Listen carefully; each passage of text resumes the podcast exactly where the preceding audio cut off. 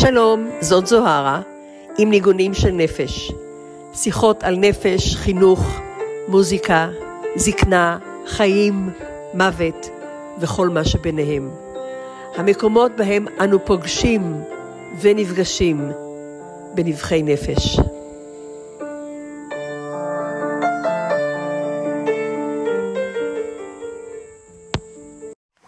היי, כמה מילות פתיחה או התנצלות או הסבר. הפרק הזה עמד לצאת שלשום, לפי ההבטחה שלי לעצמי לשחרר פודקאסט, לשחרר פודקאסט כל שבוע. ואני אוהבת את המילה לשחרר, כי זה לא משהו שאני עושה, זה משהו שמתבצע, נעשה וצריך רק לתת לו לצאת החוצה לחופשי. בקיצור, חזרה לנקודה, הוא עמד לצאת שלשום, אבל, ואני נמצאת עכשיו בניו זילנד.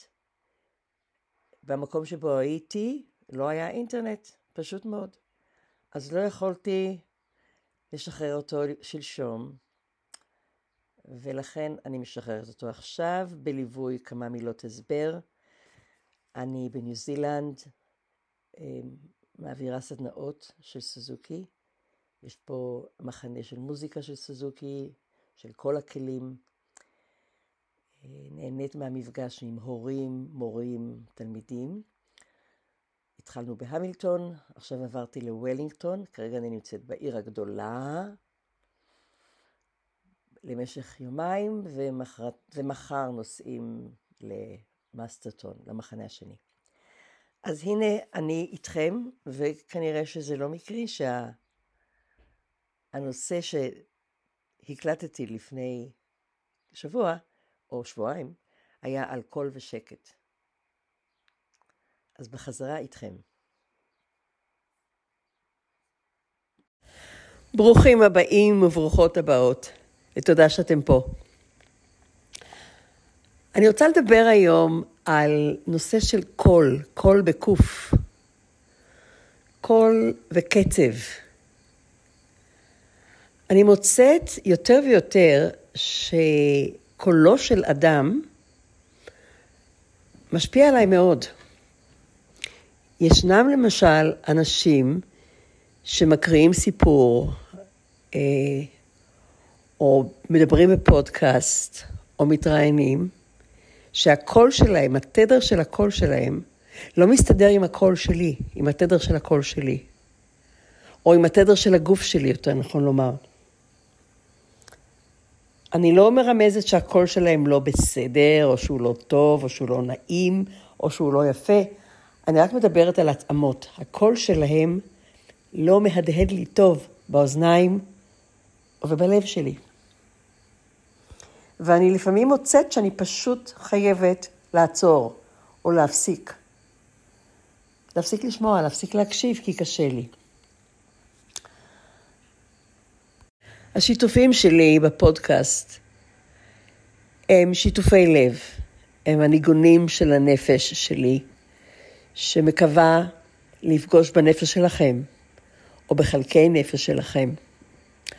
וזאת עדות פרטית, זאת עדות אישית שלי, זה לא משהו כללי.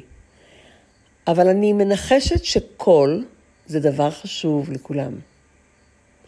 האמת היא שצליל זה הדבר הראשון שאנחנו שומעים. האיבר הראשון שמתפתח ברחם אצל עובר זאת האוזן.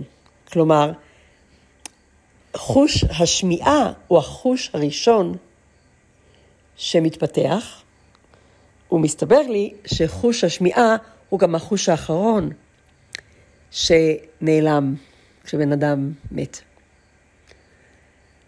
כך שהקול, יש לו חשיבות גדולה מאוד.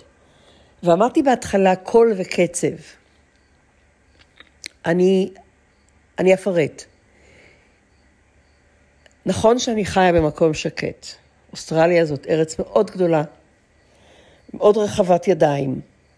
הצפיפות בה מאוד לא קיימת, בעיקר במקומות, במקום שאני גרה. בערים יותר צפיפות, אבל כשמסתכלים על השטח פר, שטח הארץ, היבשת פר נפש, זאת יבשת רחבת ידיים. עם צפיפות אוכלוסין קטנה מאוד. במקום שאני חיה, הרעשים הכי גדולים זה הרעשים של החיות, של הקוקברה, של הציפורים, לפעמים גם של מקסחות דשא וכולי, אבל זה מקום שקט. אז באופן טבעי, כשחיים במקום שקט, התדרים יורדים, או אולי, אולי עולים, אבל הרגישות לשקט יותר גדולה. כלומר, יש לי יותר שקט, ולכן אני גם אוהבת אותו יותר. ואני יודעת שלא כולם אוהבים שקט. יש אנשים שבאים לבקר פה ואומרים, וואו, השקט הזה מחריש אוזניים. זה גם כנראה עניין של הרגל, וגם כנראה עניין של אה, העדפה אישית. חזרה אליי, כי זאת עדות אישית שלי.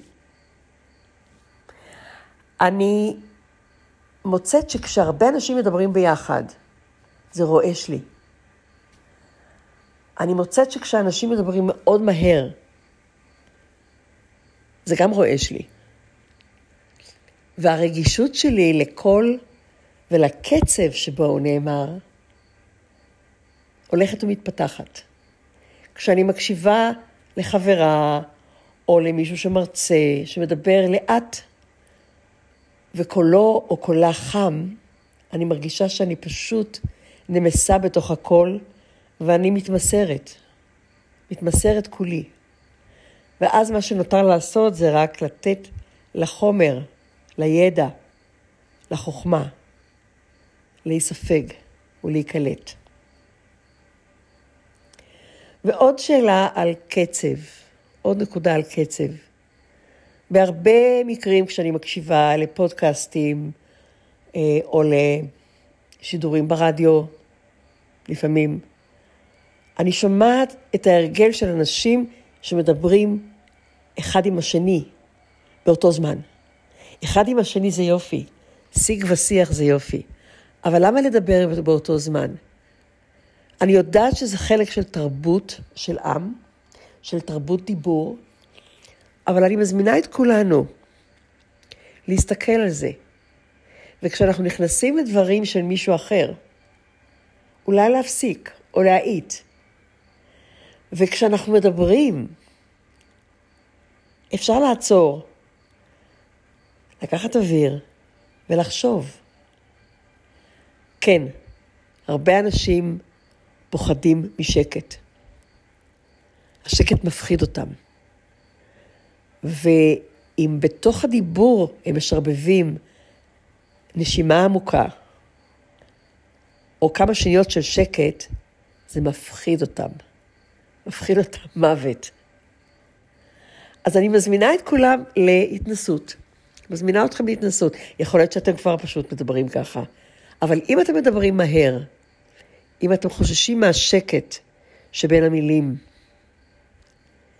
אם, את, אם אתם חוששים מהפסקות, מה אכפת לכם לנסות משהו אחר? ועוד, ועוד דבר, כשאתם מקשיבים בימים הקרובים לאנשים אחרים, או לפודקאסטים, או לשידורים ברדיו או בטלוויזיה, שימו לב לתרבות הדיבור שלהם, ותראו אם זה מוצא חן בעיניכם. עכשיו, אם אתם עונים לי, אז זה מה שאנחנו רגילים, זה לא אומר שזה מוצא חן בעיניכם, זה רק אומר שאתם רגילים. תנסו משהו אחר. יכול להיות שתהנו. מזמינה אתכם לנסות ולהתנסות בשקט שבין המילים. ולסיום, גם וולפגנג עמדאוס מוצרט אמר שהדבר שהוא הכי אוהב במוזיקה זה השקט שבין הצלילים, ההפסקות שבין התווים.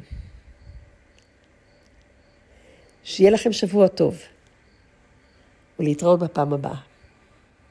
אם אהבתם את הפודקאסט, אנא שתפו את מי שאתם מוצאים לנכון.